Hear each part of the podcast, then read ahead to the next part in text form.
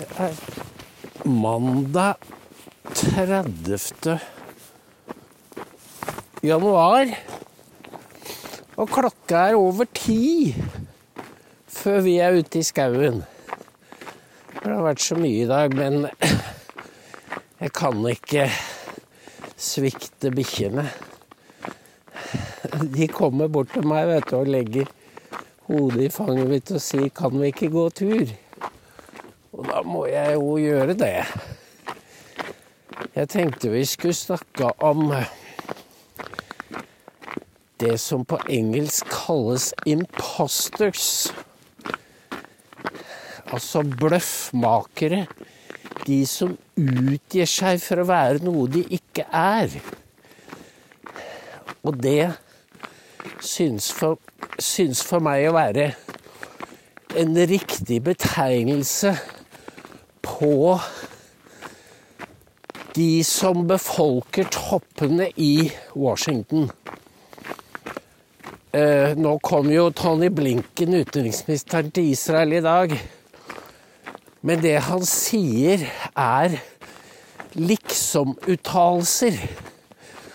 Han sier nå må vi stanse voldsspiralen og arbeide for nye forhandlinger.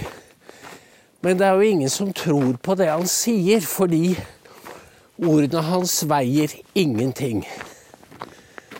Og jeg tror det har noe å gjøre med at det ble krig i Ukraina.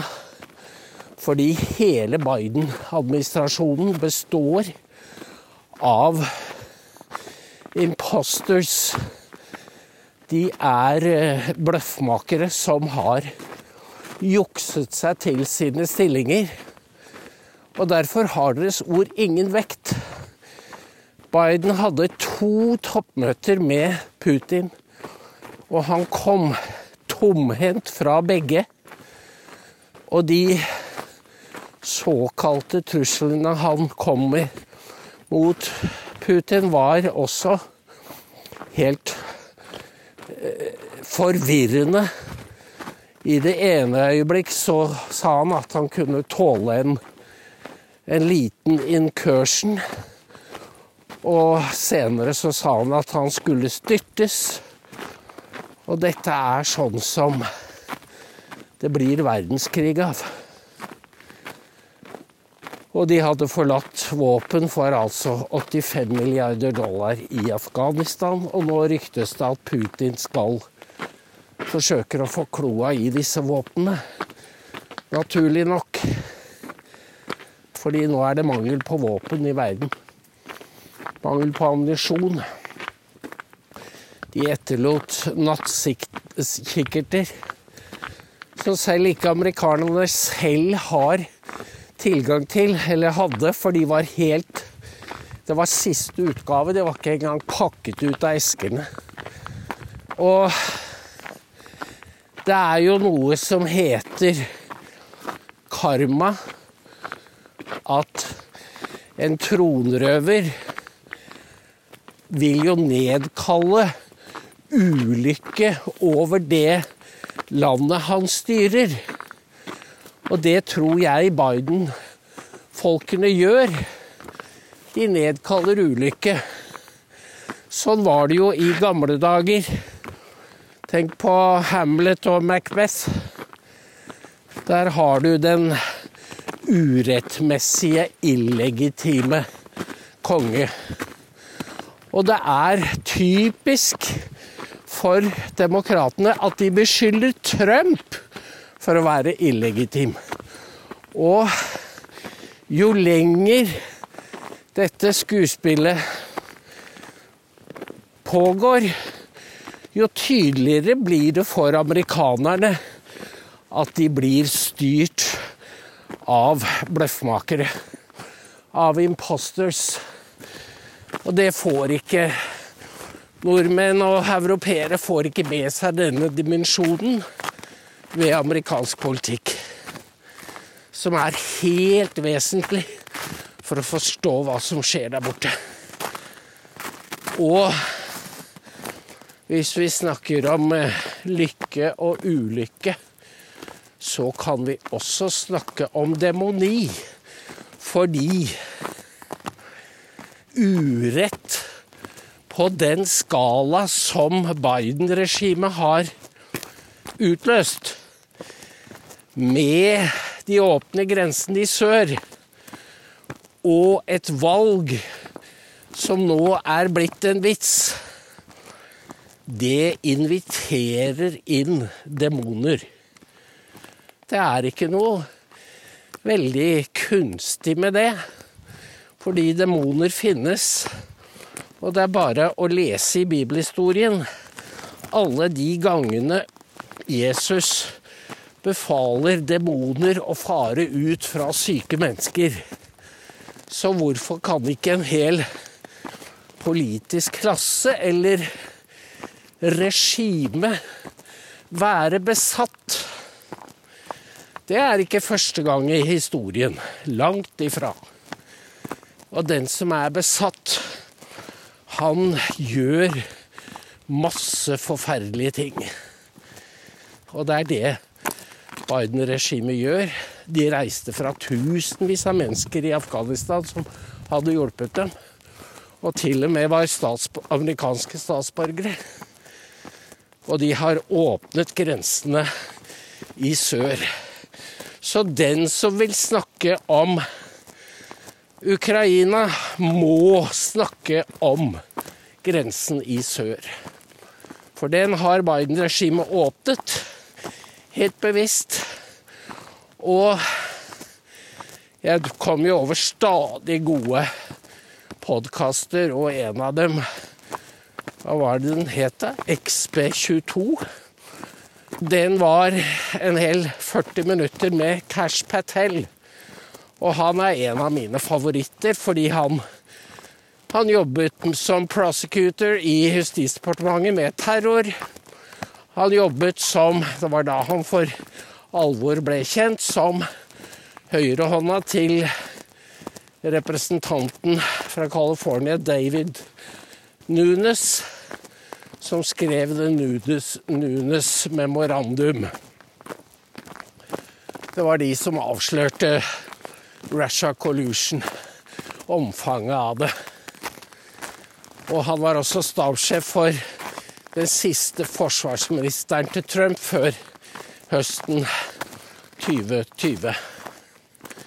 Så han har sett maskineriet fra innsiden. Og i juni kommer han med en bok som heter 'Government Gangsters'. Så hvis dere tror jeg tar munnen for full når jeg snakker om imposters, så bruker Cash Patel ordet 'gangsters'. For det er det de er. Christopher Ray og Rod Rosenstein Dette er gangstere. De har ødelagt USA. Og de bryr seg ikke. Selvfølgelig Obama. Susan Rice. Det er jo hundrevis av dem. Og det er derfor de er så farlige, for de har så mye å spille på.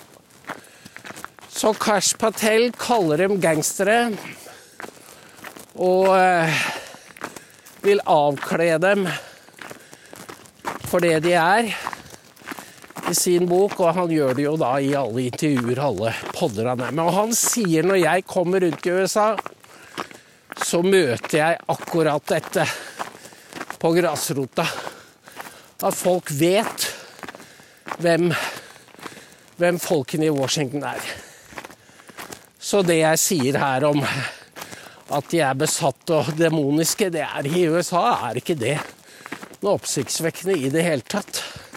Men det er bare det at uh, du hører det heller ikke på Fox News. Men du hører det kanskje ah, på Hos Tucker kan det komme. For nå satte de opp en statue som var satanisk. Og det begynner å bli mer og mer satanisme i USA.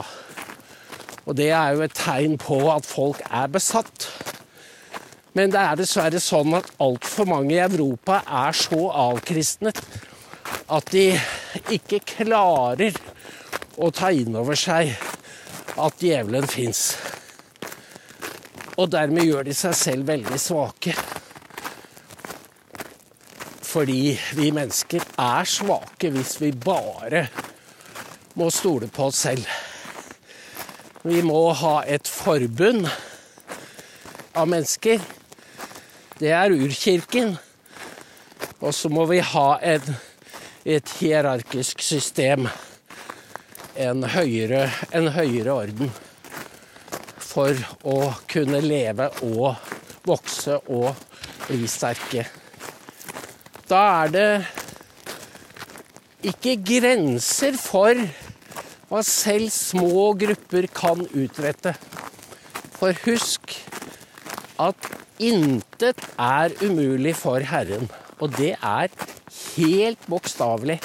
De som spør ja, men uh, undrene, jeg er ikke så sikker på det. Det skjer undre hver eneste dag.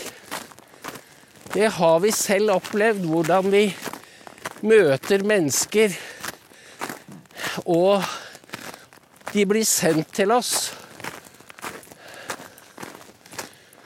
for at noe skal skje, for at vi skal innfri noe. Hvis du først begynner, så kommer det til deg.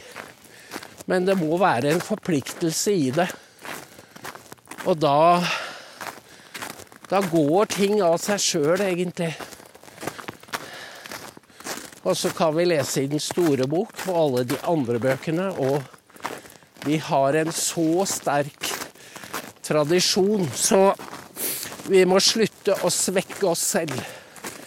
Vi må slutte å se ned, se, se mot undergangen. Vi må heller løfte hodet og, og finne vederkvegelse og styrke i de gode, i de gode tekstene. Og jeg må jo si at uansett hvor mørkt det er, bare det å vite at ja, men dette er jo ikke første gangen at riker går under. Det er ikke første gang, så det er en slags befrielse i å vite at, at uh, alt dette står beskrevet. Både i Bibelen og i Iliaden. I Peloponneserkrigene og i Shakespeares dramaer. Det er ingen ny historie. Det er en meget gammel historie. Og jeg snakket jo med Alf i dag, og det er jo en en uhyggelig tanke som melder seg med den, alle disse utspillene som kommer nå som perler på en snor. Og det er at de vil ha en total krig. Og det er demonisk. Det er per definisjon gutten Jens Stoltenberg, for han er en gutt. Det han holder på med, er demonisk. For det vil utløse, kan utløse en tredje verdenskrig. Da Jens var ung, så var jo det et skrekkscenario som venstresiden dyrket litt. Men i dag er det en realitet. Og de synes ikke det minste affisert. Tvert imot. Og da må vi bare si stopp. Stopp en halv og tenke over hva det er dere holder på med. For heller ikke Ukraina er Ukrainere er interessert i at verden skal gå under for at de skal beseire Russland. For det er, en, det er ingen seier. Det er Armageddon. Ja Da blir jeg litt sånn lys til sinns når jeg har sagt dette her. Og så vil dere Kan dere få lov til å folde hendene og be Fader vår? Og Gud være med dere. Og jeg hilser fra skogen oppe i Eidsvoll, hvor det nå er og bare bikkjene og månen og meg og stjernene. Takk for nå.